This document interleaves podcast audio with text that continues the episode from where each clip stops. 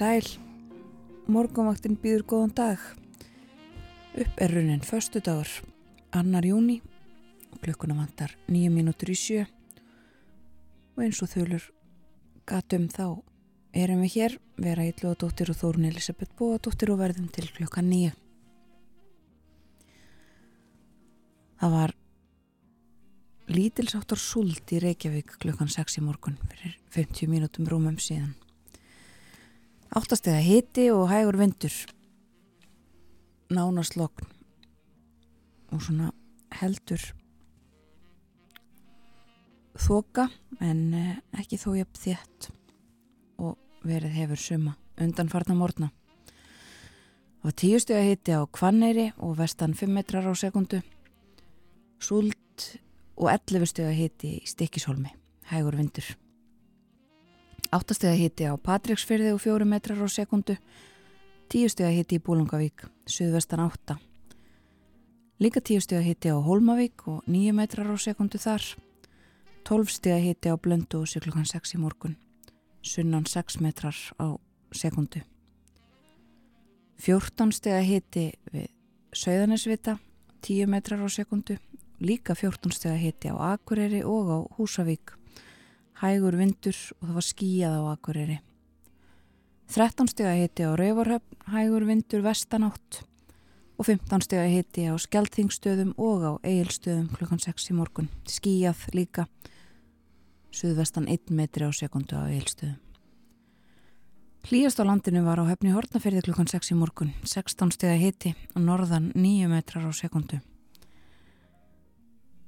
14 steg að hiti á Kirkibæjaklustri 5 metrar á sekundu áttastega hitti á Stórhauðaði vestmanni vestanátt 6 metrar á sekundu líka áttastega hitti í Árnesi.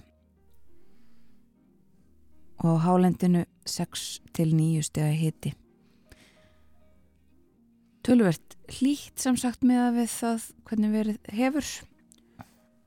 Og eh, hæglætisveður já, ekki mikið um sól svona snemma í morgun en þá er það spurningin hvernig þetta verður í dag. Veðurhorfur á landinu í dag. Það er spáð vestan og suðvestanátt 5-13 metrum á sekundu en 10-15 á norð-vestanverðu landinu og það bætir í vind á morgun, suðvestan 10 til 18 metrar á sekundu síðdeis, lítilsáttar rikning eða þókusúlt en skíjað með köplum og þurft austan til. Hittin 8 til 19 stygg, hlýjast á suðaustur og austurlandi og eh, veðurfræðingur veðurstofu bætir því við í morgunsárið að uh, það sé nokkuð tilbreytingar leysi í veðrinu þessa daga áframhald á vestlægum vindum sem hafa leikið um landan síðustu daga. Og já, ansi tilbreytingar laust, það er förstu dagur í dag. Og kannski rétt að fara aðeins yfir horfurnar um helgina. Uh, á lögadag, suðvestan og vestan 5 til 10 10 til 15 norðvestan til með og með suðaustuströndinni Súldið að dálítil rikning með köplum vestan og norðvestanlands, annars bjartar á yfirleitt þurft en líkur á þokulofti við ströndina, hiti 8 til 19 stygg, hlýjast fyrir austan. Og á sunnudag á sjómanadaginn, suðvestan 3 til 8 metrar á sekundu og skíjað með lítilsáttar þokusúld á vestanverðu landinu, dálítil rikning á vestfjörðum, annars að mestu bjart, hiti 8 til 16 stygg já, ekki svona nokkuð tilbreytingar laust held ég að við getum tekið undir með veðurfræðingi veðurstofunar. Já, og sveipa sínist okkur líka svo fyrstu dagana í næstu vinnu vöku. ekki mikil breyting. Það eru áfram tilkynningar um ímiskonnar uh, vegavinnu en uh, ekki aðrar tilkynningar frá vegagerðinni.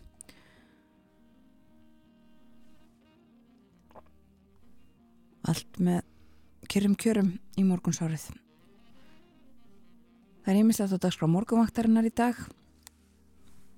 Við ætlum að ræða um stöðumála í Kosovo þaðan sem frettir hafa borist undafarið af átökum við ætlum líka að revi upp uh, revi upp verðbólgu við, við höfum fjallað svolítið um stöðumála í efnarslífinu og uh, við ætlum að revi upp svona grundvallar kursin í þessu málum verðbólgu 101 eða svo leiðis og svo eru það barnakórar, kórastarf í lok þáttarins. Við ætlum að leika svolítið af tónlist og fylgi ykkur inn í síðasta vinnudag vikunar og helgina. Og við byrjum á að heyra í Savanatrióinu. Já, það er borðsálmur eða það er svo margt ef aðeir gáð.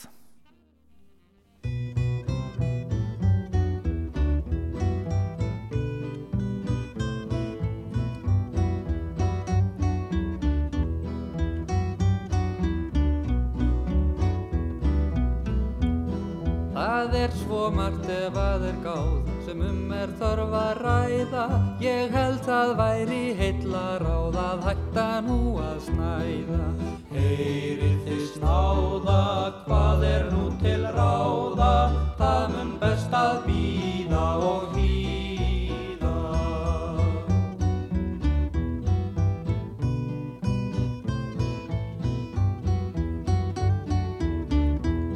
Á einum stað býr þrýfinn þjóð með þvegið hár og skjanna við húsbændurna holl og góð sem hundrað dæmi sanna. Hvað er að tarna, hvað sagðir þau farna, mættum við fá meira að heyra.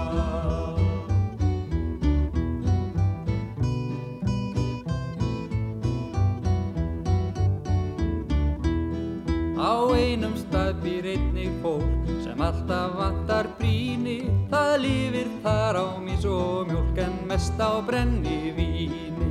Æ, hvaða skrambi, ætlir standa á þambi Mæltum við fá meira að heyra.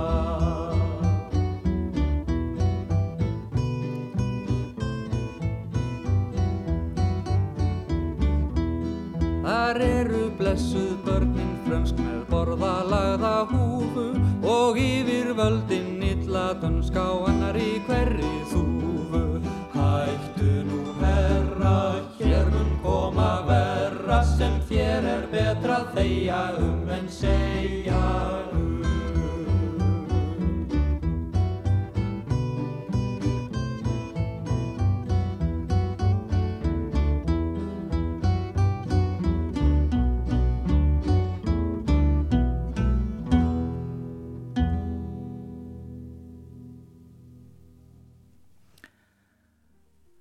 Samanatríuið uh, söng uh, Það er svo margt ef aður gáð borð sálmur en það fyrir að líða að uh, sjöfrettum hér á rásett og uh, þeim loknum tekur morgumaktinn flugið.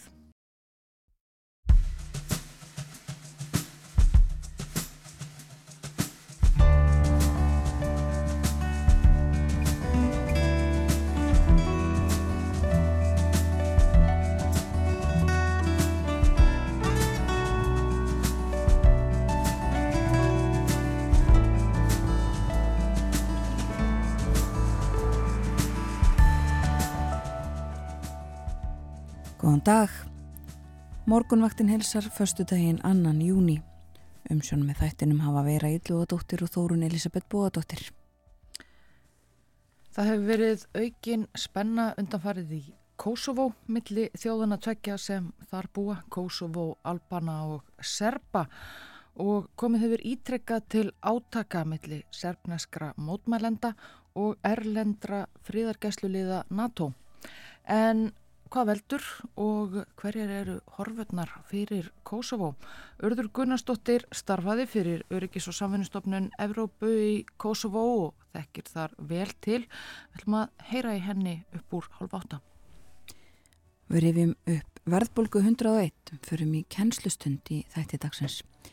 Ástæðjan í Siguradóttir sérfræðingur í vísitölum hjá Hagstofu Íslands fyrir við grundvallaratriði með okkur í viðtali frá því vetur og 50 ungir söngvarar á aldrinum 8 ára til 20 koma fram á tónleikum um helgina. Uh, þá er alþjóðleg hátíð Drengjakóra og þar syngja saman Drengjakór Reykjavíkur og einn virtasti Drengjakór Evrópu Sofia Boys Choir frá Búlgaríu Við ætlum að forvittnast um þetta og fyrirbærið drengja kór upp úr hálf nýju. Þá koma til okkar þau Þorstein Freyr Sigursson, stjórnandi drengja kórs Reykjavíkur og Anna Hugadóttir sem er formaður foreldrafélags kórsins. Svona verður morgvaktin í dag og hvernig verður veðrið í dag? Það er vestan og suðvestan 5-13 metrar á sekundu en 10-15 á norðvestan verður landinu og það bætir í vind á morgun, suðvestan 10 til 18 metrar á sekundu síðdeis. Lítilsáttar regning eða þókusúld en skíjað með köplum og þurft austan til og hitin 8 til 19 steg og það er hlýjast á söðaustur og austurlandi. Eins og undanfarna daga og eins og verður eitthvað áfram það er tilbreytingarleysi í veðrinu þessa dagana, segir í hugleggingum viðfræðings. Og það verður áframhald á þessum vestlegu vindum og eh, allt svona með frekar svipuðum hætti og við sjáum ekki betur en að svo verði það eitt hvað áfram.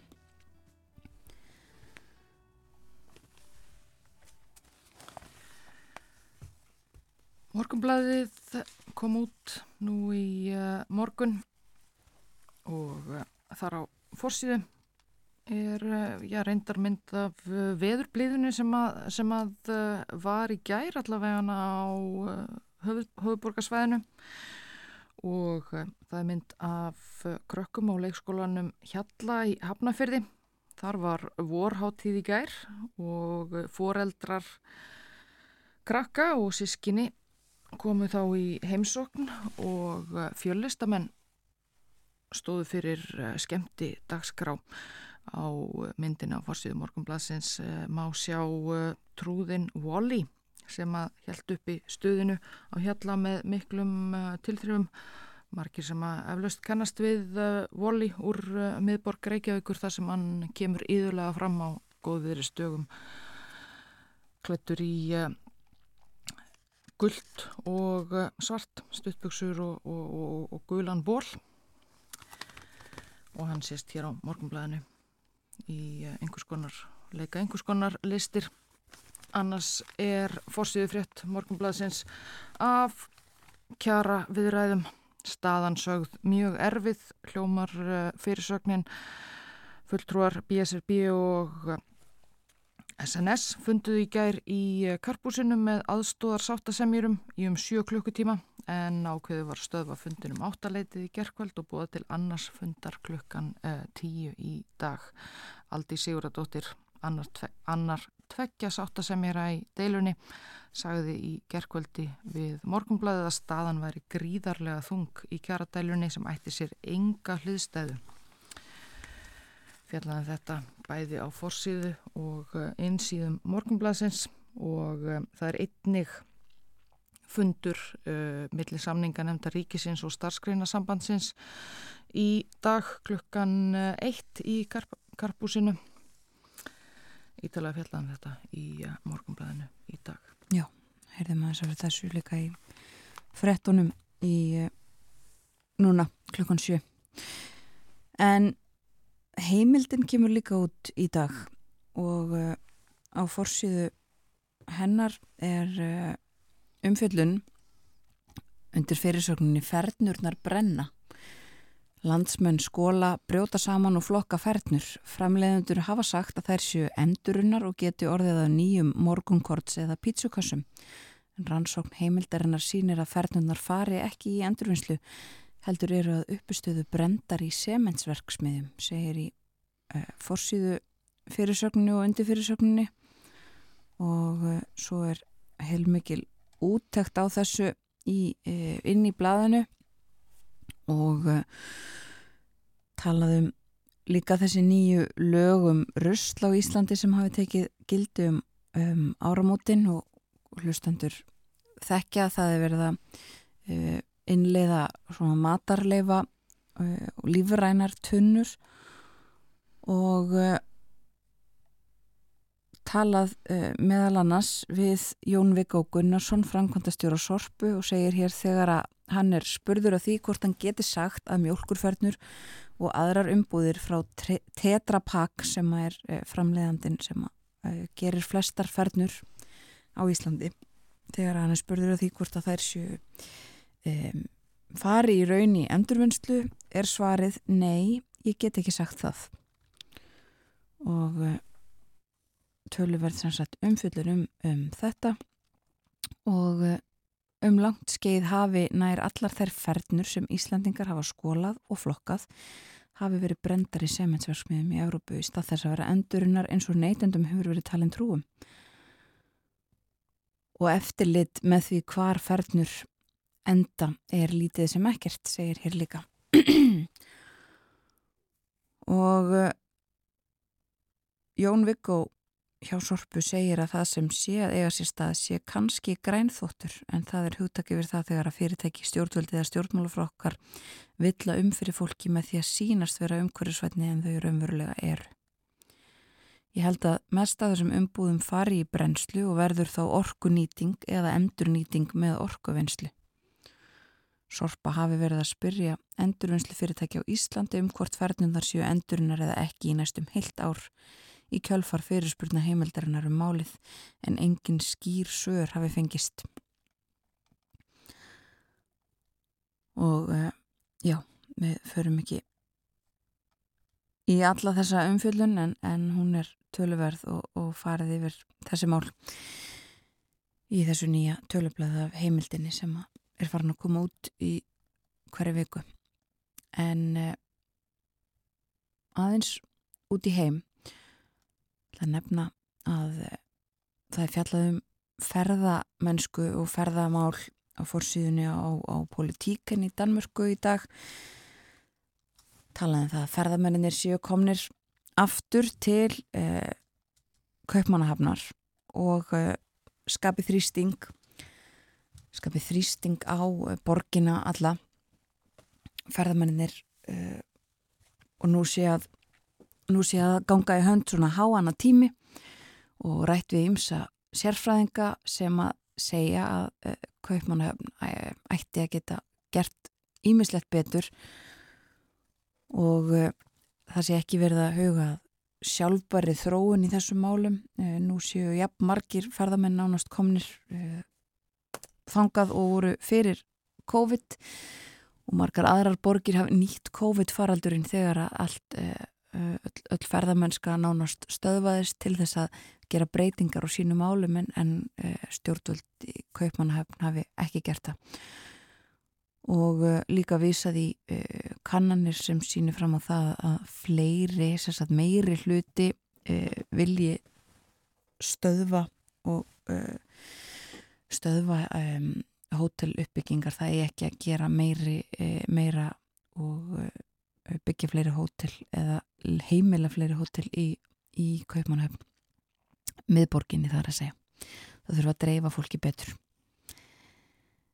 Og Þetta er aðalum fyllunarhefnið eh, þar.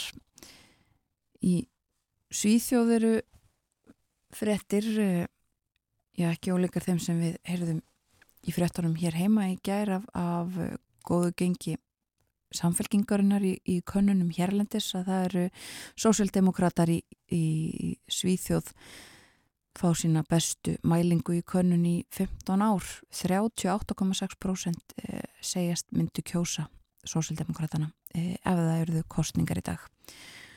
En eh, aðrir flokkar aðrir flokkar eh, fá verri útreið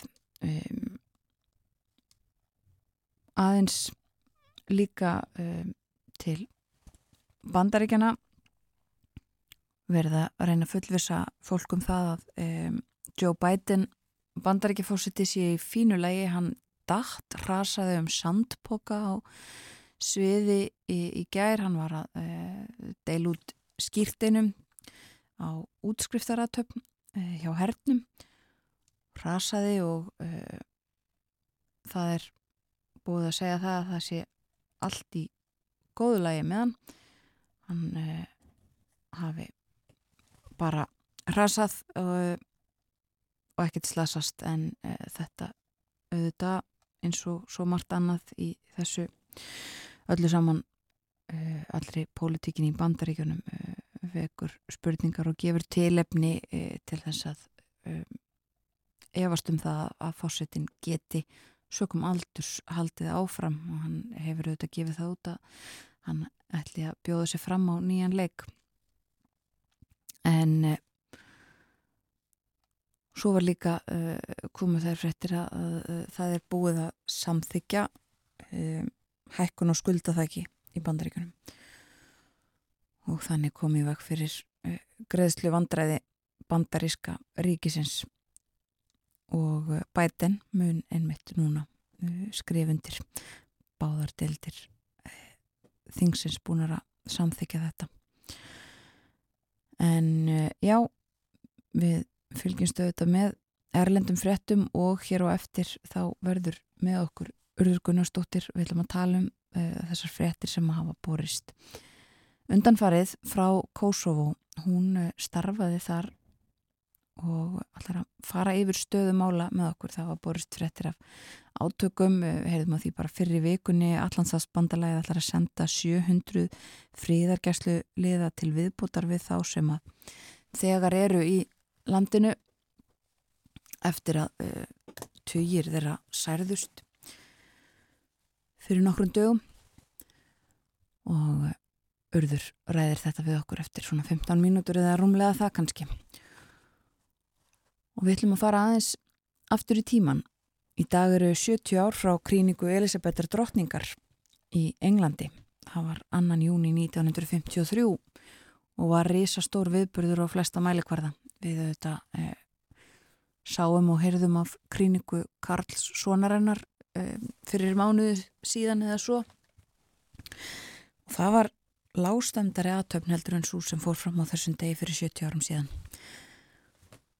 og 27 miljónir manna um allt Breitland horfðu á kríningaratöfnina í beitnu útsendingu í Breitlandi eh, margir höfðu kift eða leikt sjónverf sérstaklega fyrir aðtöfnina og notenda, notendum Breska ríkisútorsins um, fjölgaði og þeim sem að greitu afnótugjöld fjölgaði, ég held að það við nánast tvöfaldast.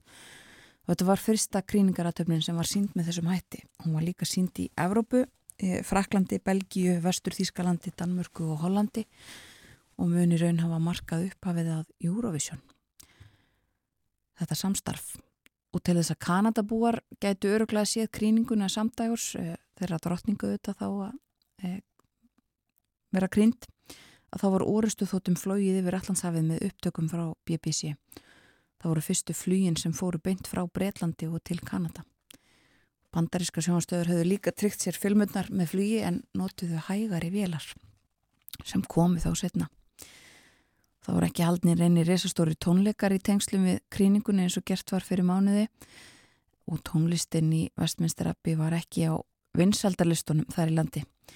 En á topnum í Breitlandi á þessum tíma var lægið úr Moulin Rouge sem að einni er þekkt sem It's April Again eða Where is your heart?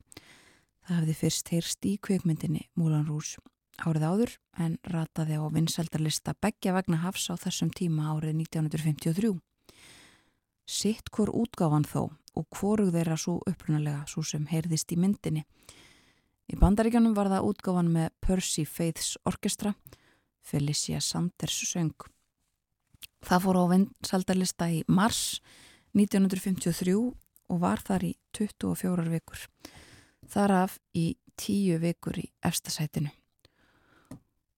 Og við heyrum þessa útgáfu af læginu núna.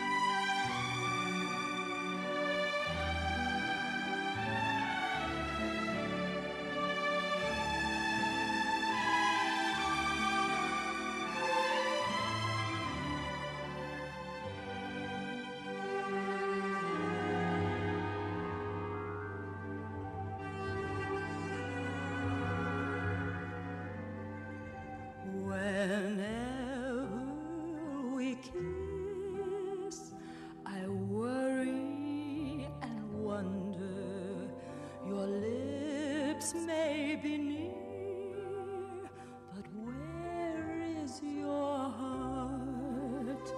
It's always like this. I worry and wonder. You're close to me but where is your heart? It's a sad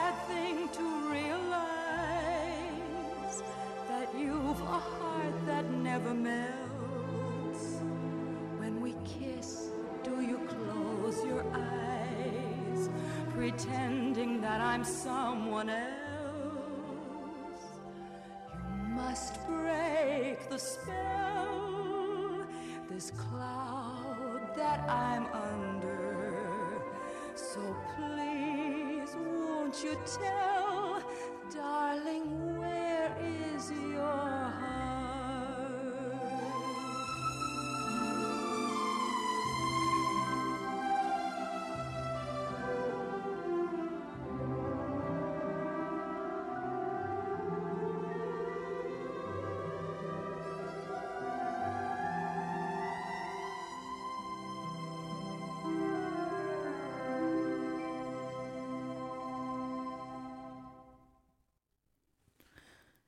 Song from Moulin Rouge eða Where is your heart? Þetta var Felicia Sanders sem að þarna söng. Og eh, þetta var lagið sem var vinsalast Vestanhafs á þessum tíma fyrir 70 árum síðan. En á sama tíma eða um það byrj þá voru önnur útgáfa af laginu í efstasæti í Breitlandi það var útgáfan með Mantovani en í henni var ekkert sungið. Og mun það vera fyrsta lagið til þess að fara í efstasæti vinsaldalista í Breitlandi án Söngs. Og við ætlum að heyra annað lag uh, Mantovanis hann var ennsk-ítalskur hljómsveitastjóri, tónskald og skemmtikraftur. Saður sá vinsalasti í Breitlandi á undan bílunum og uh, hann uh, átti fjölmörg löggerði eða þar sé að gerði fjölmarkar plötur mörg uh, lög úr kvikmyndum. Við ætlum að heyra lag áður en að við hleypum fréttastofinni að með yfirleitt morgunfrétta. Þetta er Strangers in the Night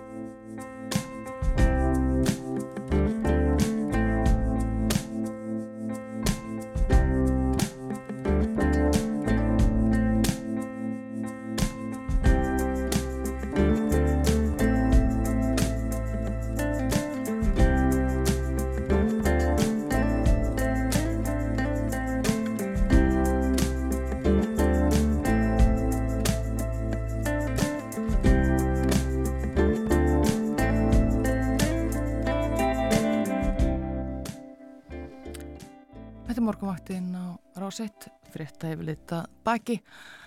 Klukkan er eh, orðin rúmlega hálfa átta.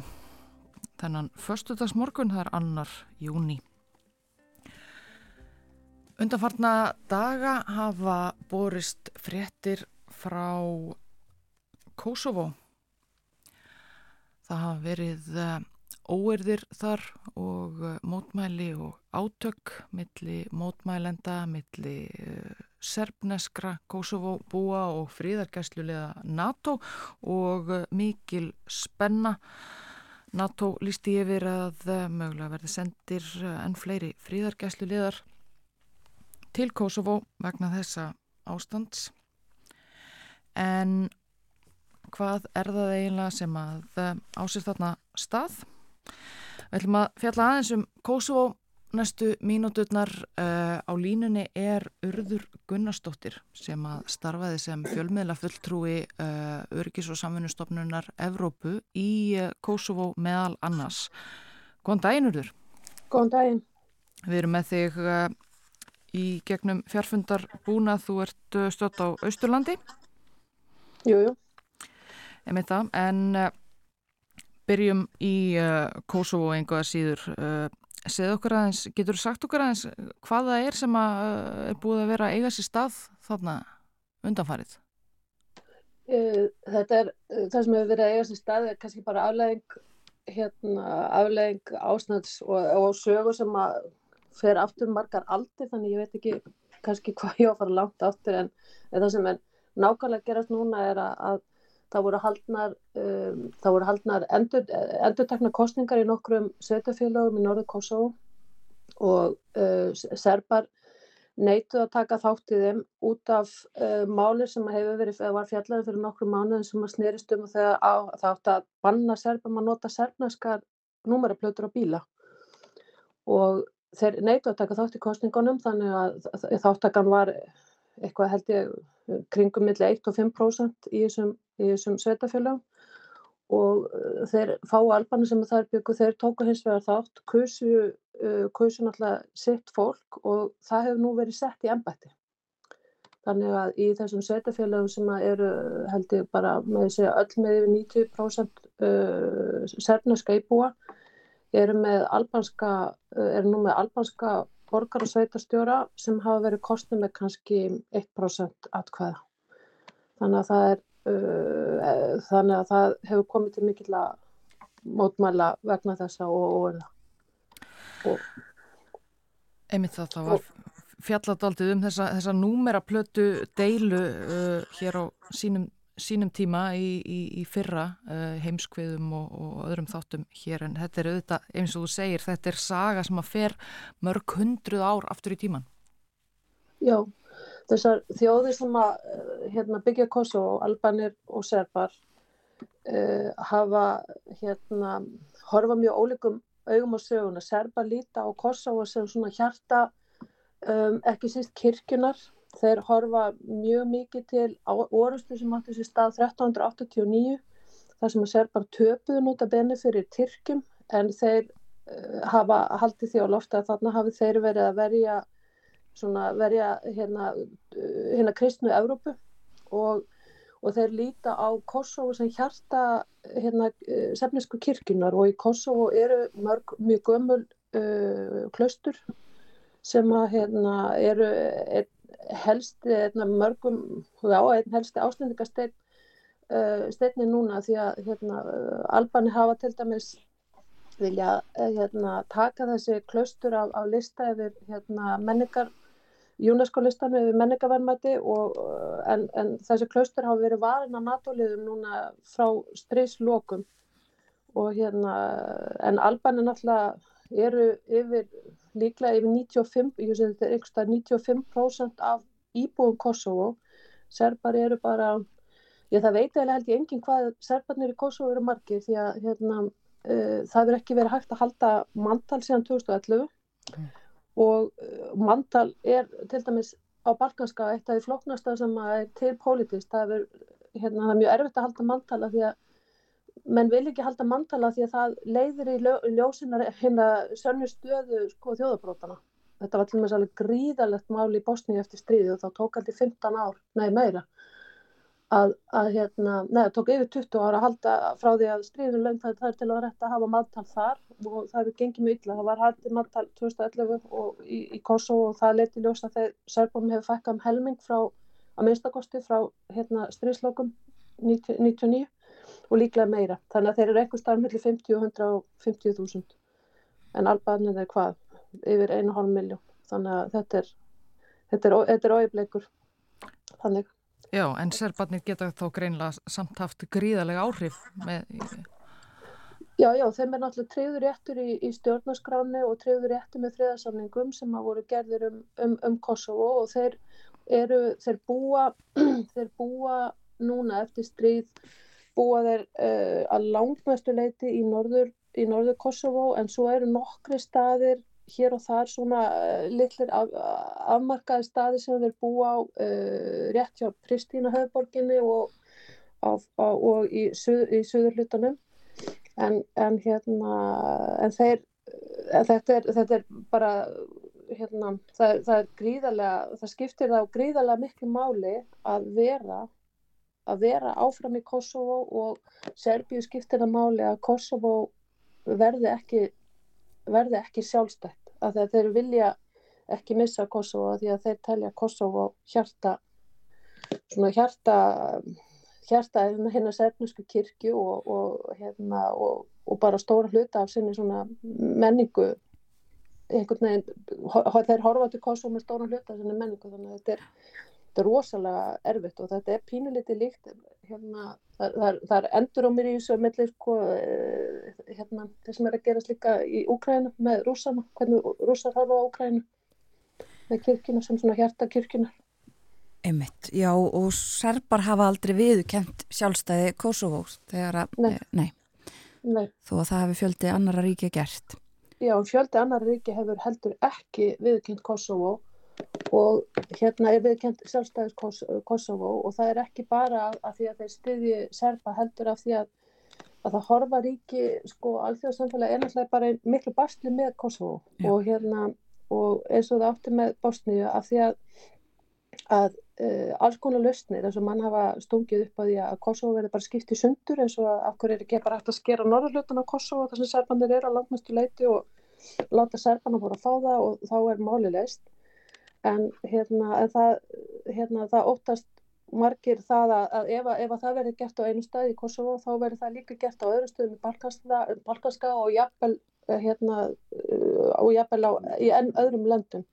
Að það er alltaf verið að horfa til fordæmisins þegar menn er að, að eiga við þegar, þegar verið að reyna að leysa deilur í þessum ríkjum. Og það er það sem er svo flækir þetta svo mikið að, að hérna, óttið við fordæmið hann verður líka til þess að hérna, að lausnirnar eru svo fáar og menn sita bara fastir einhvern veginn í þeirri stöðu sem að sem að var, var við stríðslokk og átti sér náttúrulega mjög djúpa rætur. Já. Þannig að það er svona mjög brótætt ástand allstaðar og uh, þarf kannski, ég mitt ekki alltaf mikið til þess að það svona, þetta komi upp á yfirborðið. Nei, það, það hefur alltaf gert það sko, það, það, það síður alltaf upp úr, uh, ég ætla ekki að segja með reglulegu millibili en allavega, alltaf annarslagi, þann síður upp úr í, í hérna Norðurölda Kosovo og þetta er náttúrulega líka, þetta er svo, hérna, þetta er raun og verið mjög afmarkast svæð og það afmarkast af, af, af hérna, af á og, og brúin yfir þessa á sem að tengir tvo borgarluta Mitrovica, það sem, að, sem er stærsta borgin í, í Norðluta Kosovo og þar, þar er einhvern veginn kristallast þetta, þetta er bæði svona sínilegt, þetta er svo sínileg landa, í raun og veru bara landamæri líka sko mm. Þannig að hérna og á þessar brú hefur alltaf verið, hefur hérna hún er einhvern veginn orðin tákmynd þessa aðskilnaðar Já Nú fengi fréttir að því að þá að senda hana fleiri fríðagæsluliða frá NATO en er, eru einhverjar uh, tilraunir til þess að, að komast að einhverju laust á þessu, koma á samtali eða samkómulagi? Já, já, það er uh, hérna, stöðt verið að reyna það á Európa-sambandið. Európa-sambandið er sá aðli sem að uh, beiti sér mest í því og ég held að sé nú kannski sá, sá eini sem að hefur uh, sem er í aðstöðu til þess að beita sko báða þrýstingi af því að uh, Serbar gefa nú ekki mikið fyrir NATO eftir að NATO hérna, varpaði sprengjum á Serbíu í Kosovo-striðinu, eða sprengjum á Serbíu og til dæmis á, á Belgrad. Þannig að, að, hérna, að NATO er ekki vinsalt, hérna, er ekki vinsalt í Serbamegin og bandarækjumann hafa ekki sama, hérna, kannski sama áhrif á, í, í Serbíu sem þau hafa mjög víða annar staðar.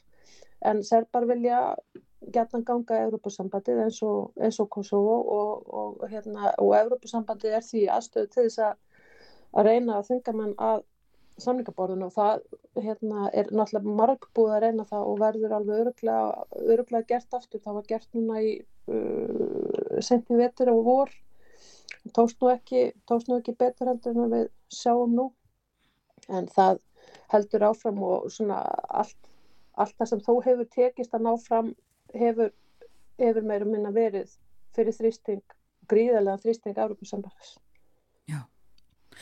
og sko ef við förum áttur í, í mitt þetta núna, þú nefndir í byrjun þessar kostningar og þetta sem var til þess að núna svona sögðu upp úr, um, þá hefur fórsetið Serbíu, er það ekki kallað eftir því að, að það verði bara þetta verði allt saman dreyið tilbaka þar að segja skipan þessa, uh, þessa bæjarstjóra í, í Norðurhlut og Kosovo til þess að uh, leysa úr þessum, uh, þessum sem uppi komið?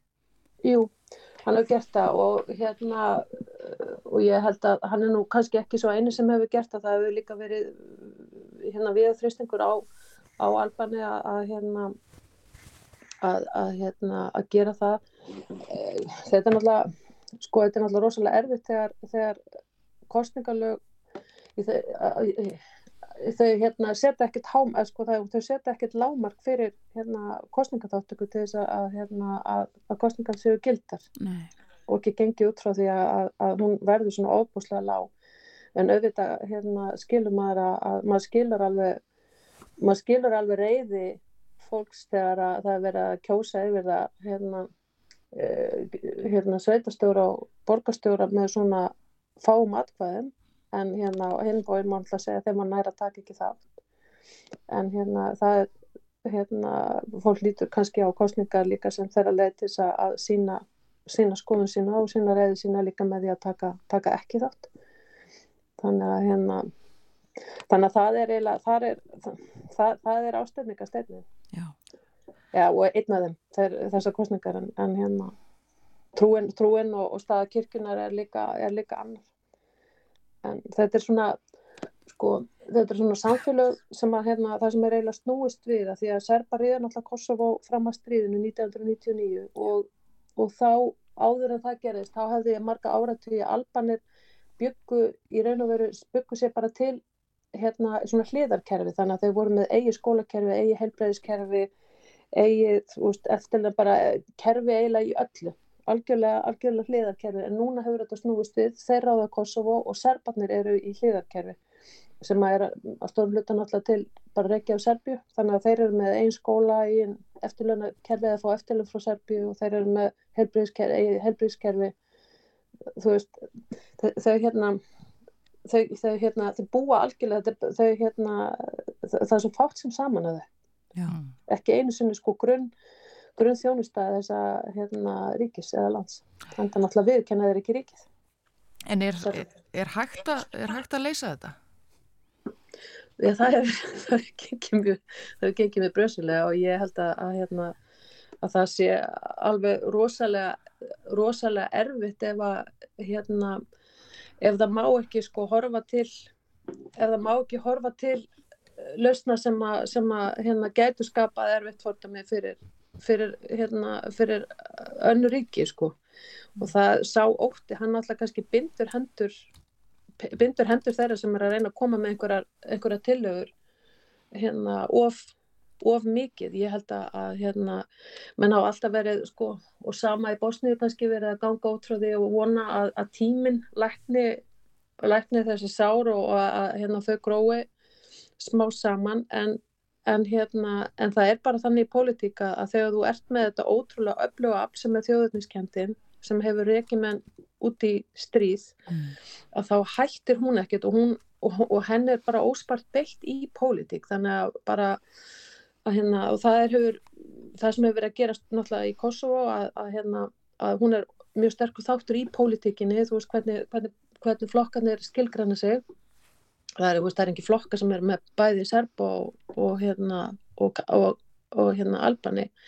Og það sama er í Bosni og það er mjög verið hérna og þú veist að því maður er fristand að horfa hana því hún alltaf mm. uh, hérna hún er bara var aðeins fyrir á ferðinu og það var að sumuleiti svona svipu dýnamík og það er bara, það er kermi hörð þjóðnistefna í hjá eiginlega öllum, öllum þjóðablótunum í, í politikinni nef, nef, Nefnum aðeins uh, Bosníu, það er að verða komin 30 ár síðan að uh, Bosníustríðinu laug en um Bosnía, já, markast ennþá mjög mikið einhvern veginn af af svona þessari sömu dýnamikki og svo má orðið komast. Já, já, algjörlega. Hún gerir það og hérna og auðvitað hafa hérna, hefur margt hefur margt ánist í, í Bosníu en ég held að, hérna, að hún, hún var náttúrulega samt hérna sko fyrsta svona fyrsta svona stóra dæmi um sko um, um, þegar, alþjóðsambandið er að byggja þegar samfélagið er að byggja byggja bríki eftir stríð og átti, hún átti að verða eitthvað með prototýpan að því hvernig þetta gerir þetta rétt.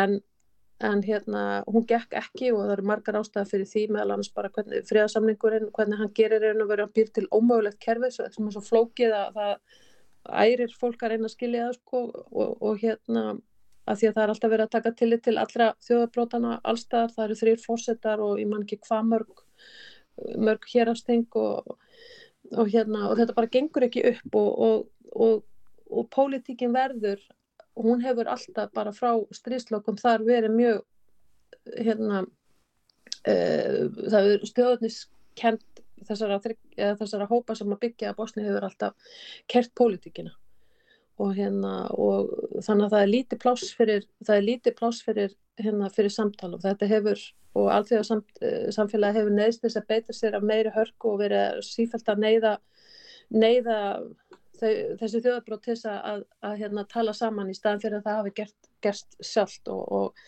og, hérna, og þar hefur til dæmis til dæmis er tekist mjög hardt á, á um hérna, skólakerfið og sem að ég uh, fæ ekki betur síðan sé líka í Kosovo þótt að sé kannski aðeins minna að, að það skiptir svo miklu máli hver segir söguna og er, þeir eru löngu búin aftur að segja því að þú segir söguna í skólanum og þannig að börnum frá unga aldrei er náttúrulega bara kentar þrjár ólíkar útgáfur af, af sögun og hvað gerðist í stríðinu í, í, mm. í Bosni og það hefur orðið til þess að það er algjörlega aðskilið skólakerfið. Líka sko inn í þeim hlutaríkisir sem að muslimar og króatar byggja. Að þeir eru ekki, börn þar eru ekki í sömu skólu. Jafnvel í sömu byggingu en ekki í sömu skólu. Að því það skiptur svo miklu máli hver kennur söguna. Einmitt það og þá vendarlega útlitt fyrir að þetta verði flókið mál lengi enn. Já, já og það, er, og það sem er svo hættulegt náttúrulega með, með þetta er að fólk verður sko íbúanir þeir hérna það er fullt af fólki sem byggir í sér ríki sem er villfrið og ávinni sem er af öðrum þjóðabrótum og en gerir sér grein fyrir því að það hérna að það eru bara önnu sterkari öfla að hérna sem, sem ráða og þá, þá gerist það að, hérna, að fólk fer að húsa sér til heifins og vil bara frekar komast til, til útlanda og, og að það er alltaf hægt að því að aukist spilling og, og þetta verður bara erfitt og þessi ríki þau eiga, eiga svo erfitt uppdráttar og þau verður eitthvað neginn eins og Bosni er náttúrulega bara hérna búin að vera styrk þegar sko alþjóðsamfélag sem sé í næstu 30 ár. Og það er úrslega erfitt að komast út úr því hugafæri líka. Mm. Og, hérna, og það er mikill peningur, það er dælt miklum pening inn í, inn í svona samfélag eftir, eftir stríðið og það er alltaf einhverju aðalega sem eru tilbúinir að, að, að, hérna, að reyna að verða sér út um þann pening, kannski ekkit með endilega með lögulegum hætti en það er Bosnija, stendur Bosnija til dæmis mjög ítla uh, á öllum svona listum eins og hjá Transparency International. Þannig að hérna, þetta er þetta er rosalega erfitt og hérna maður hugsaður alltaf að maður horfur á Bosniju sko uh, hefði ekki þurft að hefði ekki, hefði ekki allþjóð samfélagi þurft að gefa sér lengri tíma og, og bara vera þólimóðra með, með Bosni en, en svo komu bara önnu stríð og önnu samfélag sem þetta byggja upp og, og aðteglinn fór, fór annað en Bosni fór náttúrulega ekki neitt og, og hérna, það er kannski svolítið sama með Kosovo. Það eru, það eru meirinn 20 ár síðan stríðunuleg þar en, en það er hérna aðtiklinn er löngu farin annað. Þetta. þetta var ekki mjög hérna, ég veit að þetta er svona frekar svört framtíð sín en ég á búið erfitt með að sjá hvernig hérna hvað, hvað bætir þetta hvernig er þetta að, að hérna að leysa þetta Við fylgjumst áfram með þessu og vonum það besta að þakka þér kærlega fyrir eh, spjallið Urður Gunnarsdóttir. Takk, takk. Bless.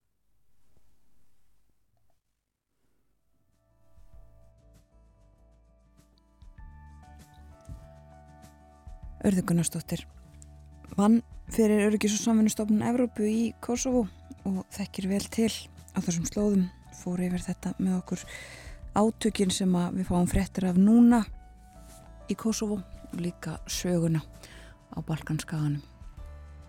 Og ekki mjög svona jákvæð teknolofti það verður að segjast eins og er. En eh, við förum að hleypa fréttastofunni að það líður af því að það komi morgumfréttir frá fréttastofunni. Við verðum á öðrum slóðum eftir fréttinnar kannski ekkert sérstaklega svona jákvæðum heldur það verður að segjast þessu er en verðbólgan verður til umfyllunar þá. Í síðasta hluta þáttarins lofum við hins vegar meiri gleði og jákvæðni. Þá ætlum við að tala um kórastarf og eh, sérstaklega drengja kóra ég held að sé bara eitt slíkur starfandi á landinu í dag. Þeir voru fleiri og laung hefð og saga almennt fyrir slikum kórum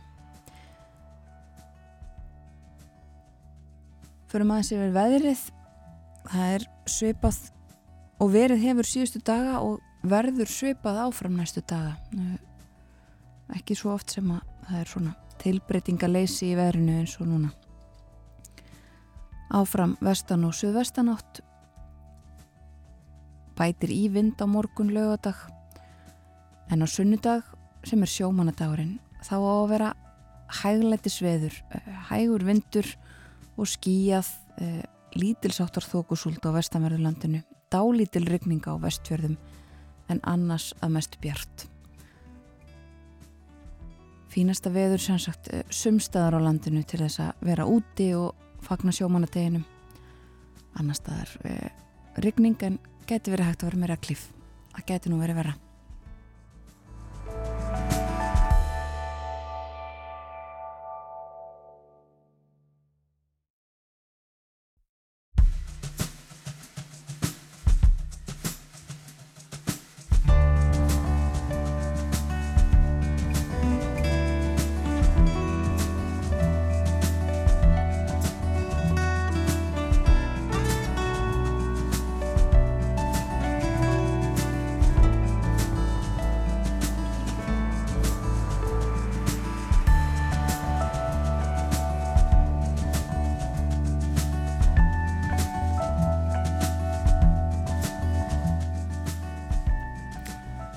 Þetta er morgunvaktin á rás 1, morgun fréttinnar að baki, klukkan er tæflega 6 mínútur, gengin í nýju þennan, förstudags morgun annar júni. Við rættum áðan við Urði Gunnarsdóttur sem var fjölmiðla fulltrúi Öryggis og samfunnustofnunar Evrópu í Kosovo. Talaði við okkur um ástandið í Kosovo, þar hafa verið átök og mikil Olga eins og örður sað okkur frá þjóðum landsins.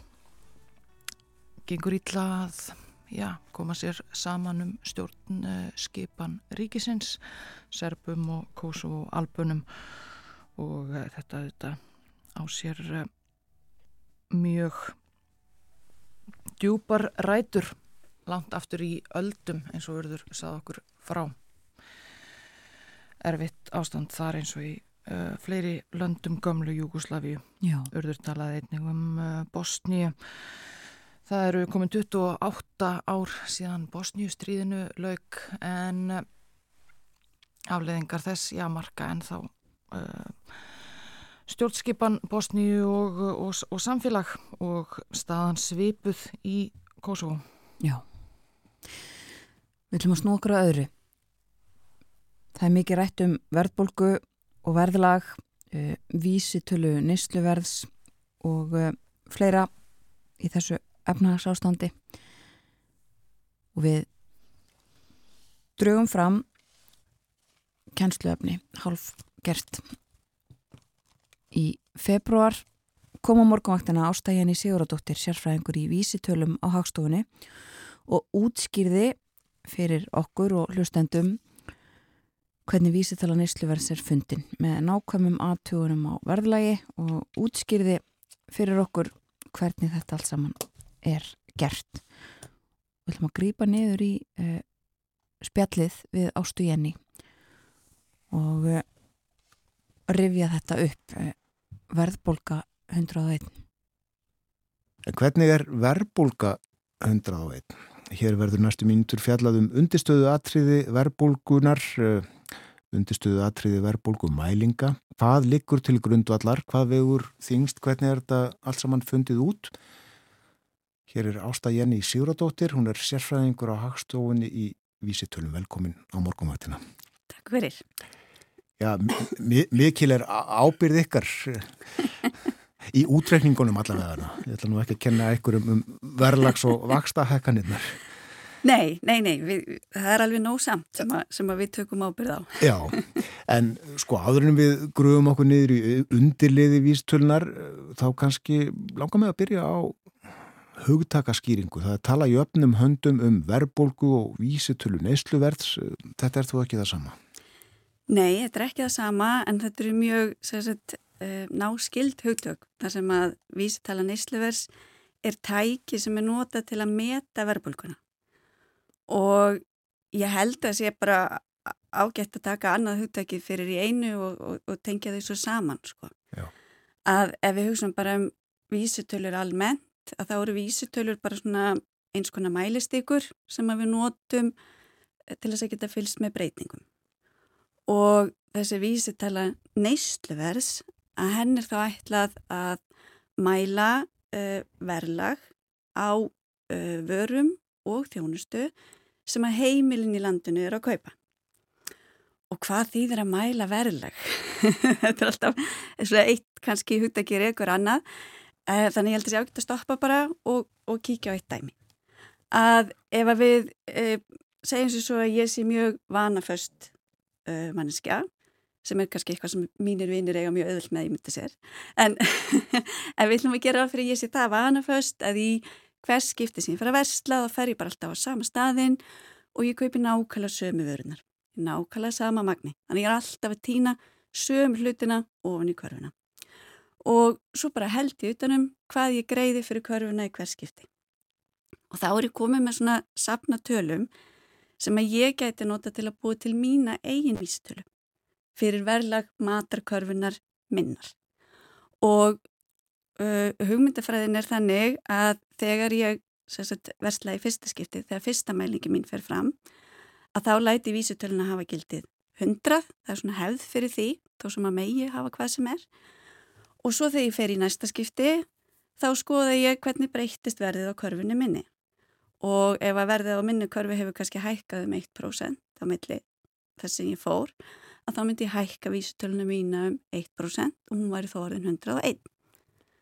Svo er þriðjaskipti sem ég fer, þá var hún kannski halvu prósenti herri, þá myndi ég hækka vísutölum halvt prósent og svo framvegs. Þannig að þá var ég búin að búa til vísutölu fyrir verðlag matarkörfuna minnar.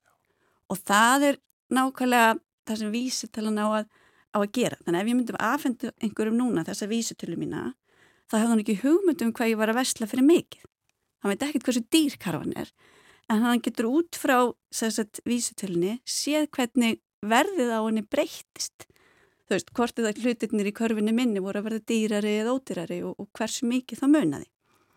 Og það er nákvæmlega það sem vísitala neysluverðs gerir, að hún segir ekki til um hversu mikið við erum að eigða eða neitt slíkt, hún segir bara hvernig eh, verðlægið eða verðmiðarnir er, er að breytast. Og útreikningarnir sjálfur það sem við gerum, það sem Hagstofan gerir er að mæla þessa vísitölur neysluvers og útrekningarnir eru eiginlega eins og ég var að lýsa í þessu dæmi nefnum í staðin fyrir að vera með einhverju svona leitla matarkörfi fyrir eina mannesku að þá erum við með risa stóra körfu sem á að tákna sérsett bara í rauninni meðal neyslu heimilis í landinu og þá er ekki bara maturur í körfinni heldur líka alls konar vörur og þjónusta. Þannig í körfuna fer líka född, ráftæki, bílar, flugferðir, nuttklipping, þið veitir allir þessi kostnæðiliðir sem við þekkjum bara okkar heimilisbókaldi að þeir eru með í þessari körfi og, og það er bara ákveð fast hvað er í körfinni og svo mælum við sömu körfina í hverjum einasta mánuði og skoðum hvað kostar varan karfan núna miða við hvað hann kostaði síðasta mánuði. Og þá breytingin á milli heldar upphæðin á þessum tveimur körfum það er breytingin sem við notum til að breyta vísutölunni Já Og að þess að verklæginu uh, farið út í búð og kaupið þessa vörur eða uh, lítið þið bara á vermiðan? Við lítum bara á vermiðan og uh, fyrir einhverjum árum að þá var það eina leginn til að sapna verðinu var að fara út í búð og lesa vermiðana. Uh, í dag er tæknin orðin mikið meiri þannig til dæmis í maturverslunum þá fáum við bara gagnasendingar beint frá þeim úr kassakerfisgögnónum þeirra. Þannig að við erum að fá hvað fólk var að borga á kassanum. En svo söfnum við verði líka á netinu þar sem það er hægt og stundum ringju við eða e, fyrirtæki og stofnanir senda okkur gögn með öðrum hætti. Það er bara þrautalendingin, ef ekkert af hinn gengur upp, að þá er þrautalendingin að við sendum einhvern í búðina til að lesa og verða með hann. Já. Eru mjög margar vörur í korfinni hjá okkur eða, eða tiltölulega fáar sem að eiga bara að gefa vísbendingu? Uh, það fyrir kannski eftir hvað þú með, með það. Sko. Við erum með þúsundir af vörum í, í korfinni en við munum aldrei ná að verðmæla allar vörur. Um, og þetta uh, virkar þannig hjá okkur að við skiptum sérset korfinu upp í tólf aðal flokka sem eru reynda mjög misstórir það er til dæmis einn flokkur bara fyrir mat og drikk, annar fyrir áfengi og tópak, þriðji fyrir fött og skó og svo framvegs og þessum flokkum er svo skipt í undirflokka og undir undirflokka. Þar til við erum alveg komið nýður í einhvern svona flokk eins og hrísgrón og svo til þess að meta hvernig verður að breytast hjá hrísgrónum þá erum við að velja fulltrúa. Þannig að þá erum við kannski með 10, 20, 50 það fyrir aðeins eftir gerðflokksins hvað við erum með margar mælingar alveg hann að neðst niðri af mismunandi sagt, vörum sem passa inn í flokkin og, og mælum meðalbreytingu á þessum vörum í, í flokknum. Þannig að við erum aldrei að mæla allt en, en þetta en sapnast þegar saman kemur þannig að þetta er endar í þúsundum. Já, og svo vegur þetta misþungtir það ekki í verðbólgu útreikningunum? Jú, og það er bara því að kannski minnist að ná verðbólguna að þá kannski klári að því nú talaði bara um vísitölu neysluvers og vísitölu neysluvers það er það sem Hagstofan reiknar og það er afurðin sem við skilum af okkur. Uh, verðbólka síðan, uh, til dæmis Sælabankin, hann metur verðbólkuna út frá breytingunum á vísutölu nýstluvers. Þannig að við erum í rauninu ekki að vinna með verðbólkuna sem, sem slíka, heldur eru við að uh, skaffa tæki fyrir aðra til að meta verðbólku.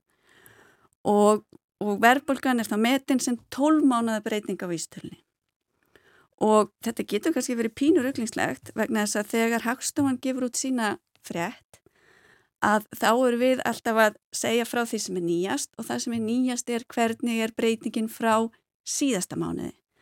Þannig að við erum að segja hver er mánuðabreitingin, hvað hafði mest áhrif þannig síðasta mánuð. En þegar við erum að tala um verbulgu, þá erum við að tala um tólmánuðabreitingu.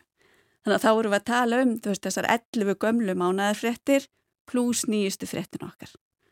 Og það er ágætt að hafa, hafa þannig greinamun aðeins í huga þegar við erum að tala um veist, hvaða liðir eru að hafa áhrif.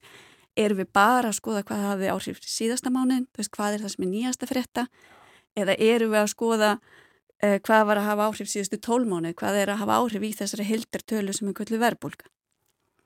En þú spurðir þann um, um sagt, uh, vægið, hvað, hvað, hvað vægiliðin hafa og ég segi þessi tólfliðir þegar það var mjög mismunandi vægi.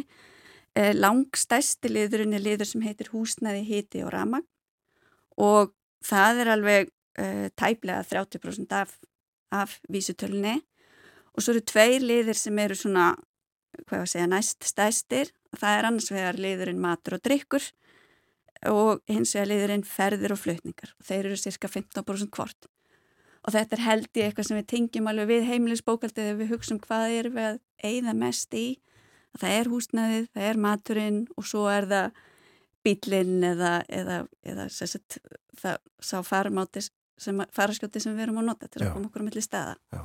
Þú nefndir húsnæðis þáttinn, uh, það er sagt stundum í, í fréttum og, og uh, spjalli að í sumum ríkjum er hann ekki inn í þessum uh, mælingum sem að líka til grundvallar. Höfum Já. við bara valum það, hvað er það? Sko, já og nei.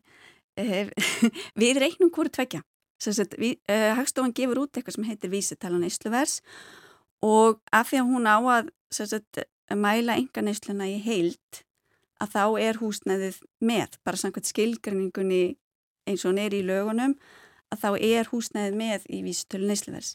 Við svo að reikna líka og gefum út eitthvað sem heitir vísutölu neysluvers án húsnæðis þannig að ef það er stærð sem að fólk hefur áhuga á að þá getur það alveg skoða hana eða nýtt tæri upplýsingar líka ef að það vil. Uh, varðandi önnu lönd að þá er mjög misjáft hvernig þetta er gert og kannski það sem fólk er helst að vísa í er uh, hugdag sem heitir samrænt vísitala neysluvers að þá eru við að reyna að vera með uh, vísitölur sem eru uh, unnar, eða sérst innihald að það eru byggðar upp á sama hátt í öllum löndum Evrópu og þar langar Evrópusambandinu að setja inn húsnæðisliðin líka og það er í vinslu að reyna að gera það. Eh, það strandar hins vegar því að löndin hafa ekki ennþá komið sér saman um hvernig á að gera það. Þannig að, þannig að þetta er ekki bara spurning hvað, hvað er fræðilega, uh, hvað, ef maður getur sagt best eða, eða sagt, skást að gera, heldur líka bara uh, hvað teista menn sér til þess að framkvæma. Og það er bara einfallega þannig að þetta er mjög mísefnar aðstæður í löndum. Við erum ekkert með neitt mjög stóran leikumarkað uh, og meðan að, í öðrum þjóðum, þjóðum er kannski mjög stór leikumarkaður og, og rík hefð þar. og þá er hægt að meta hlutina öðruvísi heldur en hjá okkur. Þannig að, þannig að þetta er, já, þannig að það er áhugi fyrir þessu og það eru reiknaðir sérstakar húsnæðisvísitölur á, á flöstu stöðum í einhverju mynd en þetta bara er ekki nú stöðlstærk kannski til þess að segja að að hafa hann allstæðar. En hér er semst húsnæðisliðurinn inni í verðbólgu útreikningunum, ekki sett? Hann er inni í vísitölunni Ísluvers og af því að hún er notið til að meta verðbólguna þá, þá er hún þar inni, já. Og það virkar þannig, er það ekki já, ástandi eins og í fyrra það sem að, að voru tiltölu að fá fastegna viðskipti og verðið fóru upp úr öllu valdi, það hefur áhrif sem að kunna virðast óeil? Uh, sko þegar já, hvað maður að segja sko, uh, þessi húsnæðisliður uh, bara þannig að fólk átti sig á því að, að því að það er stundum kannski misvísandi hvað er átt við þegar við erum að tala um húsnæðislið. Að ef við tölum um einna þessum tólfliðum sem heitir húsnæði, hiti og ramagn að þá inniheldur hann sko hita og ramagn eins og segir í, í titlinum en hann inniheldur líka svona hluti eins og viðgerðir á húsnæði og viðhald og og svo þess að tvo hluti sem við kallum reiknaðilegu og greittalegu og sem er huttak sem tók mig alveg marga mánuði að, að ná að utanum en þess að greitlega það er þetta sem við kallum leigu í daglegu tali. Þú veist að þetta leigumarkaði, borgarleigu fyrir húsnæðið þitt að þá er það greitlega og það er bara svona sínilegu kostnæður í þínu, þínu bókaldi mm. En svo er spurningin hvað átt að gera með þá sem er ekki að leikumarkaði heldur en búa í eigin húsnæði? Og þú ert ekki að borga sett, um, þú ert ekki að borga þessa förstu leigugreðslu en hugsunin er að það er í rauninni ákveðin fórnarkostnaður sem fylgir því að þú sérst að búa í, búa í húsnæðinu þínu. Af því ef þú myndir ekki nota húsnæði til að búa í því þá gætur þú leikta út. Þannig að það er sagt, með óbænum hætti að kosta þið ákveðið að búa í húsinu þínu og hugmyndin er sagt, að meta þennan fórnarkostnað og hvernig meturu sagt, þennan fórnarkostnað þá er hugsunin þú veist hvað myndur þú leia húsið þitt á ef þú værir að leia út og ef þú hugsaður og þú ætlar að fara að leiða út einhverja eign, hvað myndir stjórnið því á, á hvað verðið þú myndir leiðana? Það myndir fara eftir hvað eignin kostiði, ekki satt, og það myndir fara eftir því hvaða lánakjörð er byðust, þú veist, til þess að fjármagna veist, þessi kaup. Þannig að þetta tventir svona kannski ráðandi þættir í því þegar þú ferða ákveða uh, leiguna, þess að síðan markas veist, eftirspurnar og, og, og sleiks. Og, og það sem við gerum er að við notum þess að tvo stærstu þætti, að húsnæðisverðið og vextina til þess að meta uh, hvað myndur að leia eignuna þín á. Og það þýðir að, að þessi liður er mjög sagt, uh, getur verið kvíkur, svona viðkvæmur fyrir snöggum breytingum og kannski sneggri að bregðast við heldur en uh, almenni leigusellar uh, af því að sagt, ef að þetta er, er samningur sem er ekki vísitölubundin að þá kannski endur skoður í leigun ekki í hverju mánuði þá tekur þetta eins lengri tíma að skila sér inn hækkunin en, en þetta er, er hugsunin að við erum að reyna að endur spekla hvað myndur í leiða eignuna þína. Það er um þetta. Heldur þú að, að verðbólka geti á einhvern nátt verið verðbólku hvetjandi? Að, að þegar segjum kaupmenni eða aðrir sem að selja vörur eða þjónustu sjá hækkað verðlega að þá fristist þeir til þess að hækka líka hjá sér? Ég sem manneski á allavega mjög öðvöld með ímynda mér og við séum líka talandum leikumarkaðin að við heyrum talsast frá fólki sem er með fyrirspurnir til okkar af því að það er með vísutölu tengta samninga og þar eru við komið með, með keðjuverkun af því að við mælum leiguna sem fólkið eru að borga og svo er leiguna að hækka eftir vísutölunni og, og svo framvegið sko. Þannig að já, pott, þetta hefur áhrif. Hversu mikil þau eru, það er alltaf verfitt að festa fingur á það sko. Já. Þetta var um verðbólguna og uh, vístölu neysluverð. Það eru fleiri vístölu til, uh, ekki bingavístala og launavístala. Og, og... Vísitala framlegsluverðs líka. Lánskjara vístala, er hún eða þú til? Uh, nei, hún er ekki til lengur. Hún er, hún er forveri vísitölu neysluverðs. Já. Að það er sem sagt, þegar laugina verðtrykkingu tóku gildi, það voru búin til þessi lánskjara vísitala sem var samsett úr byggingavísitölu og fram... Uh, mann ekki eins og hvað hann heitir og hann er vísitölu sem er svona svipið og neysluversvísitalan og, og hún var notið til verðtryggingar en, en sérst, árið 95 þá komur lögin um vísitölu neysluvers og þá tók hún við sem verðtryggingavísitalan af þessari lánskjara vísitölu. Það er einmitt það. Þakkaði fyrir komin á morgunvaktina. Takk sem leis.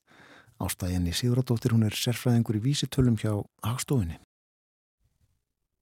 Þetta var viðtal sem Björn Tór Sjöbjörnsson átti við ástugin í februar síðarslinum er við um þetta upp í tilöfni síendur tekina frétta af verðbólkumálum, verðlagsmálum. Við fyrir að leipa fréttastofunni að það er yfirleitt morgun frétta sem er næst á dagskráni.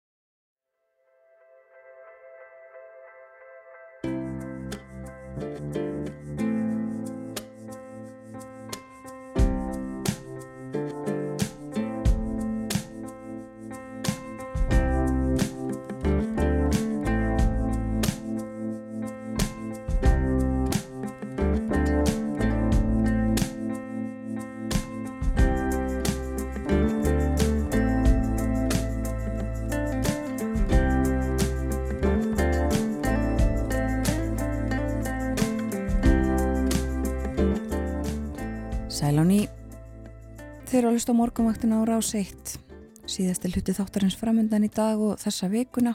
Það er jú fyrstu dagur í dag, annar júni og uh,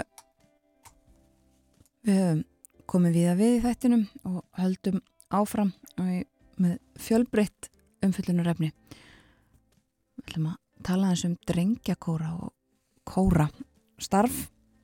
En uh, áður en að við gerum það, við mælendur okkar að koma sér hérna fyrir við borðið og ætlum að heyra tónlist.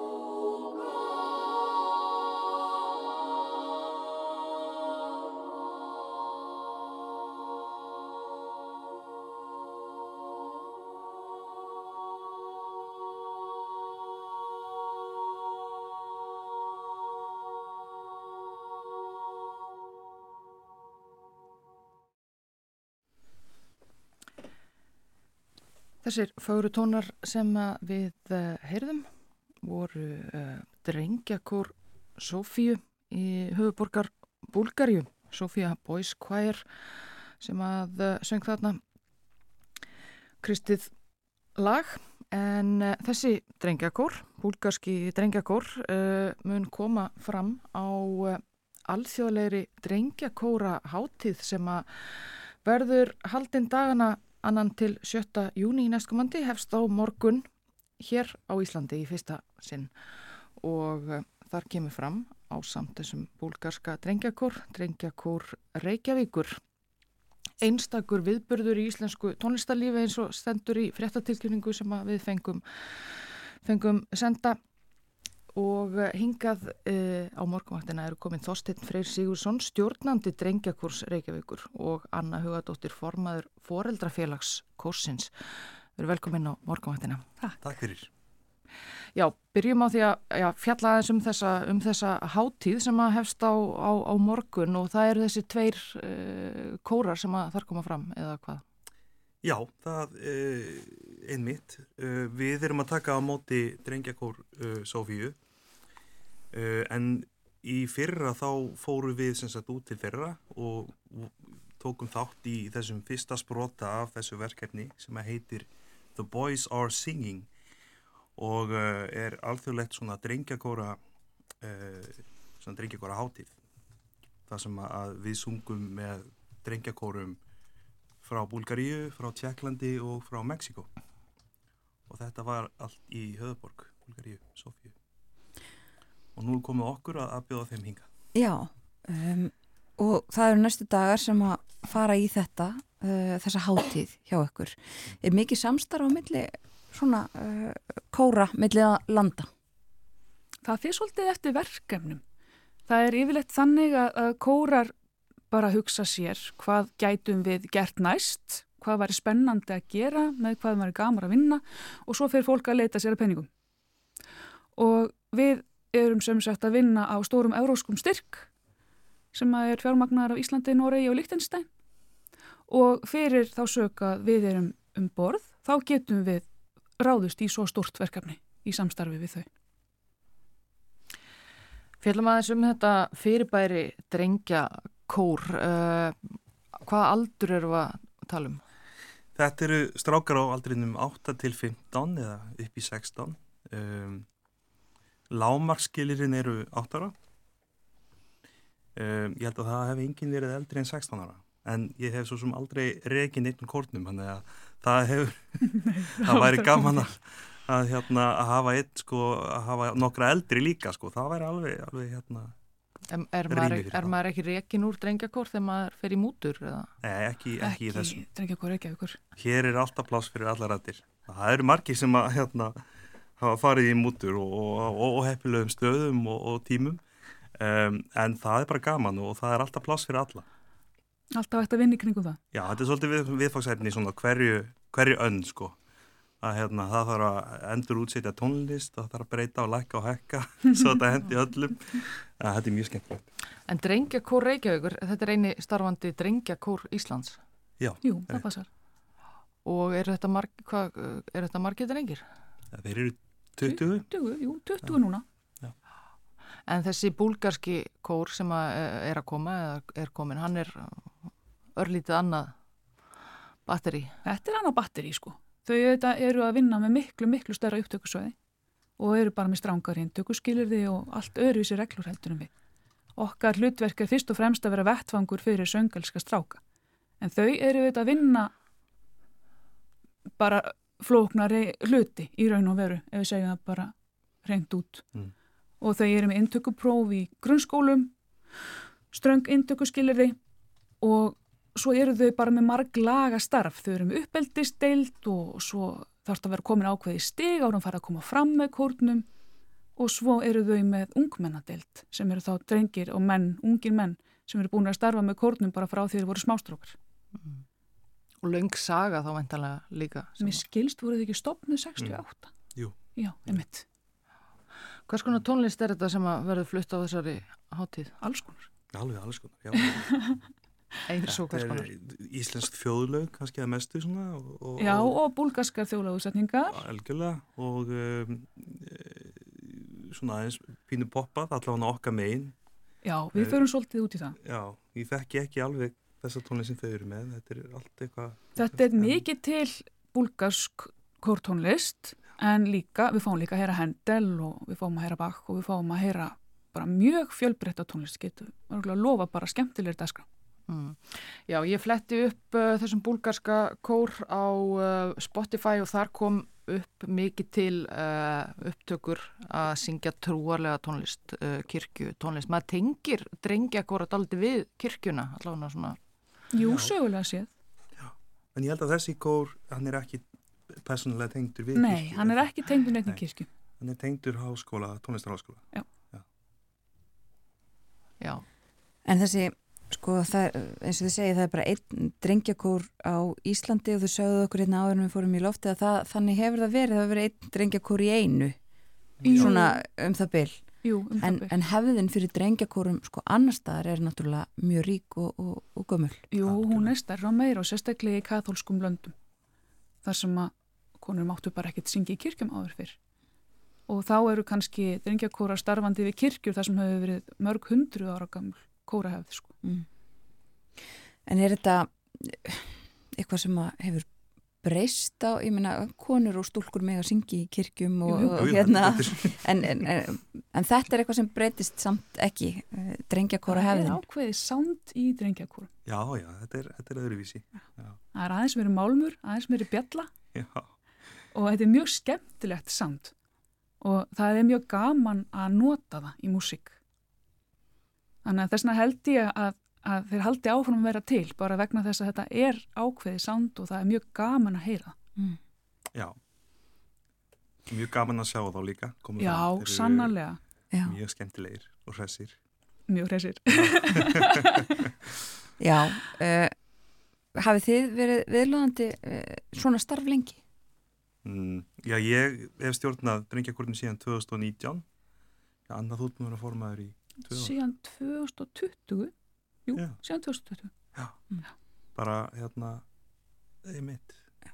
En það er nú svona eiginlega á ykkur að heyra að þið hafið samt kannski lengri sögu og áhuga á, á málefninu og kannski korastarfi almennt. Já, við erum Já. auðvitað bæði starfandi tónlistamenn. Akkurat. Ég Og er á- og, Ég er hljófarleikari og við lifum og hrærumst í þessum heimi. já, já. Maður bara, þetta er svona hérna á Íslandi, maður hérna, það, þú, þú getur ekki bara einblínt á eitthvað eitt sko í tónlistinni, það þú verður að vera opinn fyrir öllu Já. og, Já. og, og, og bara ef einhver býður eitthvað bara segja já, Gengur öll Og- störf. já, öll störf. En eins og með drengina, uh, einmitt að því að þú veist, þetta er, uh, þið töluðum það því að það er alls konar tónlist og það er auðvitað, skil, hluti af þessu, sko, kórastarfi er líka bara að kynna uh, krakkana fyrir alls konar tónlist. En eru þetta, þessi strákar, eru þeir einmitt líka, eru þeir líka að læra hljóðfæri, eru þeir annar staðar í tónlist eða, Já, já, bara marg, eða Margir langflestir hverjir. jafnvel, sko. Jú, margir Í hverjir. konar nám. Já. En ekki allir. En það vill oft verða þannig að strákum sem að eru lagvissir og eru í músík er veitt til okkar. já, En við höfum svolítið verið að vinna í því undanfærin, sérstaklega undanfærin tvö ár eftir að aðeins fór að létta á heimsvaraldrinum að kynna kórin meira og reyna að vera virkari á samfélagsmiðlum og sínilegri mm svo að við bara látum vita af okkur Mm. vegna þess að við erum vettvangur fyrir alla söngalska stráka. Þeir þurfu ekki að vera í tónlistanámi eða lesa nótur eða nokkuð skapaðan hlut. nei, þeir mjög bara koma og syngja. Það er bara að hafa samband og drífa sig í, í áhjörnapróf og lifa þóstum að heyri sér og mæta á æfingu, bara um að gera. Hvað, hérna, kemur kórin, kemur kórin oft fram og hvað eru þau svona bauka annað en, annað en þessa hátíð? Já, það er náttúrulega, við vorum bara á, á, í Eldborg í gær, Í gær. bara í gærkvöldi. Já, með fjölda annar að kóra. Já, Og- það, við vorum þarna með sem sagt, það var drengjakórin og, og, og svo er að skólakór Kársnes sem hún Álfheiður Björgvinsdóttir. Björgvinsdóttir takk, uh, stjórnar og, uh, og þar var, uh, voru fjórir aðrir fullurinnskóra, það var Fílarmónjan, það var kór Akarinnes kirkju, uh, Austurískur kór Austurísku kór, já, Mhm. og háskólakór. og háskólakórin, já, Já, fyrir fullri eldborg. fyrir full. Stapp full eldborg Já. Já, og þetta var bara eins og holskefla þegar þau risu þarna úr sætum í fyrsta númurinu, þetta var magna. því líku kraftur. Því líku kraftur. Kannski nefnum það, ég held að þessi tónleikar hafi verið teknir upp og verði útvarpað hér á Rósitt. Já, það er til Síðan er. lökunarefni. Já, Og við munum reyna að fylgjast með því og segja frá því uh, þegar að þeir komast á dagskrána hér. En sko, um, er engin sviðskrekkur í svona strákum á Nei. þessum aldri? Nei, þetta er svo gaman. þeir eru bara, þeir eru rosalega vanir, þeir eru vanir að koma fram. Það er líka bara, við, það er alls konar tilefni til þess að, að við syngjum í hörpuhotni til dæmis, Mm -hmm. uh, reglulega. Við höldum bara litla tónleika líka í, í Neskirkju þar sem við eigum uh, uh, aðsetur. Og uh, drengin hafa líka, þeir eru margir hverjir að hafa farið í upptökur fyrir ímiskona verkefni. Kvikmyndatónlist, sjónvarp, Já, alls konar. Þannig að þetta eru vanir menn. Þetta eru vanir menn og fá að gera alls konar. óhættir. Bara, Já. Akkurat, og koma fram á þessari hátíð sem að, uh, þið eruð að halda uh, næstu daga, Boys Are Singing og uh, geta allir komið og, og hlýtt á þessa kóra. Bara allir velkominir. Já. Bara öll velkomin. Við erum með tónleika í Skálholti á morgun klukkan eitt og það er ókipis inn. Svo erum við í Hallgrímskirkju í messu og sundarsmorgun 11, mm tónleika klukkan 2 og þar kostar 2000 krónurinn almennt miðaverð en ókipis fyrir 16 ára og yngri. Og svo erum við í Ytri Njarvíkurkirkju á mánudag klukkan 5 og það er líka ókipisinn. Við höfum verið mjög heppin með styrtaræðila til viðbótar við Európska sjóðum, þá erum við með- líka með tónlistarsjóð í bakið og barnamenningasjóð og getum þess vegna gert þetta bara aðgengilegt sem flestum sem er frábært. Ef þú ekki ljúka þessu á að hlusta á kóratónlist vera. Jú, ég uh, fann til hérna uh, eitt lag þar sem að heyra má heyra má í drengjakór Reykjavíkur. Er það er nú ekki margar upptökur sem að kórin hefur gert. Ekki sem leggja úti, það var gefin út diskur fyrir þó nokkuð mörgum árum en þeir drengir eru allir út fullotni menn og sumir langt komnir söngnemundur. Mm -hmm. Já. Já. En uh, ég fann hérna að uh, kórin hefur komið fram með, uh, eða tekið upp með Olgu. Jú, Já. það passar. Já. Og við skulum hlýða á örlítið af því að Spaceman Come Traveling. Þakk ykkur kjærlega fyrir komuna í morgunvaktina. Þorstitt fyrir Sigursson stjórnandi drengjakurs Reykjavíkur og Anna Hugadóttir formaður foreldrafélags kursins. Takk fyrir.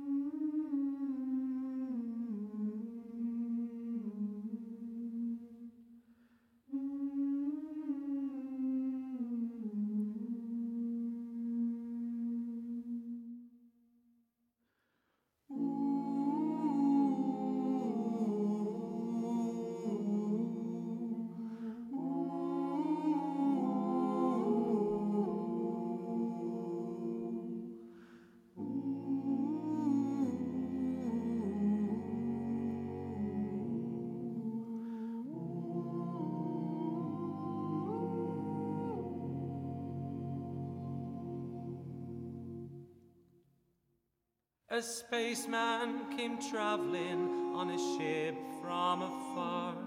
'Twas light years of time since his mission did start, and over a village he halted his craft, and it hung in the sky like a star,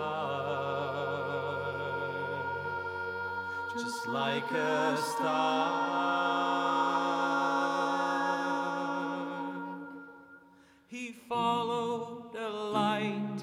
Came down to a shed where a mother and child were lying there on a bed. A bright light of silver shone round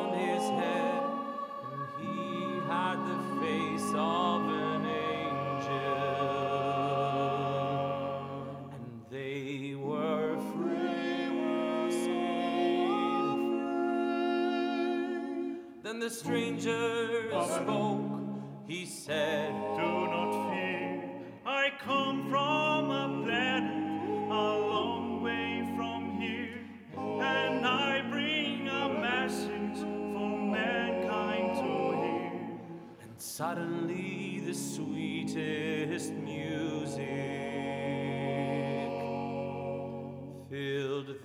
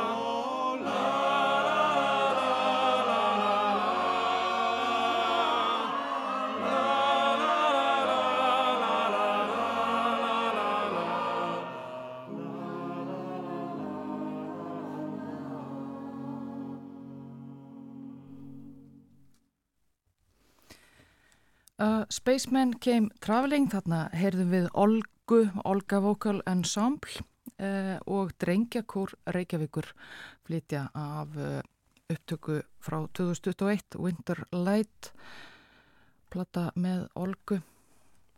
Og uh, við vorum að forvittnast um Drengjakór Reykjavíkur og Drengjakóra almennt.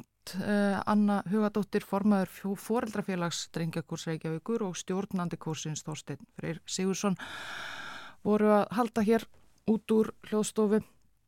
Uh, þau eru á leið til Skálholts og á morgun verður í Skálholtsdóm kirkju klukkan 13, klukkan 1. Uh, fyrstu tónleikarnir í alþjóðleiri drengjakóra háti. Þar kemur fram Drengjakór Reykjavíkur og búlgarskur Drengjakór Sofia Boys Choir, einna virtustu drengjakórum Evrópu sem að uh, þar mun syngja með uh, reykvískum drengjum og uh, þau Anna og Þorstein voru að sé okkur frá þessu.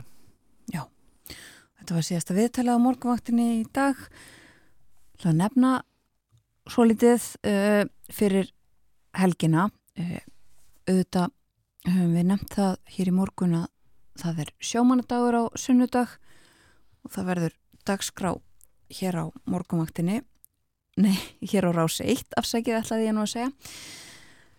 Og uh, það er frá heiðrun sjómana á sjómanadaginn á uh, sunnudag verður beinútsendingur hörpu klukkan 2 og líka uh, hátíðamessa í tilöfna sjómanadeginum uh, verður messa úr domkirkjunni og svo að uh, heiðruninni lokinni þá verður Svanhildur Jakobsdóttir með sérstakann þátt af óskalugum sjómana og þar verður stuðst við um óskalög hins afar vinsæla óskalega þáttar á frívaktinni sem var á dagskrá ríkisútarsins á árum áður og það verða hveðjur frá ættingum og vinum sjómanna til sjómanna fluttar í þættinum.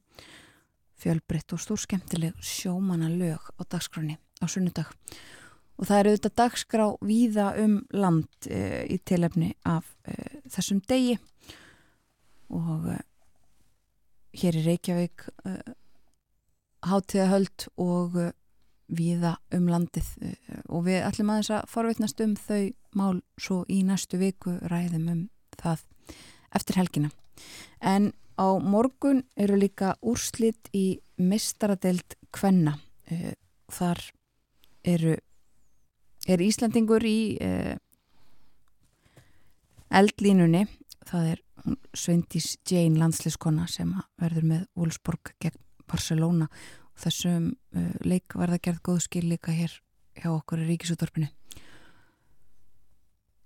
en við fyrum að segja þetta gott í dag og þessa vikuna. Morgumaktin hefur verið á dagskráni þessa fjóra daga sem virkir hafa verið í þessari viku nú er þessum fríum lokið í byli fimm daga vinnuvikur framöndan og við stöndum hér vaktina, morgunvaktina alla virkadaga og tökum okkur frí yfir helgina segjum góða helgi njótið helgarinnar og við heyrumst aftur á mánudagsmorgun. Verðið sæl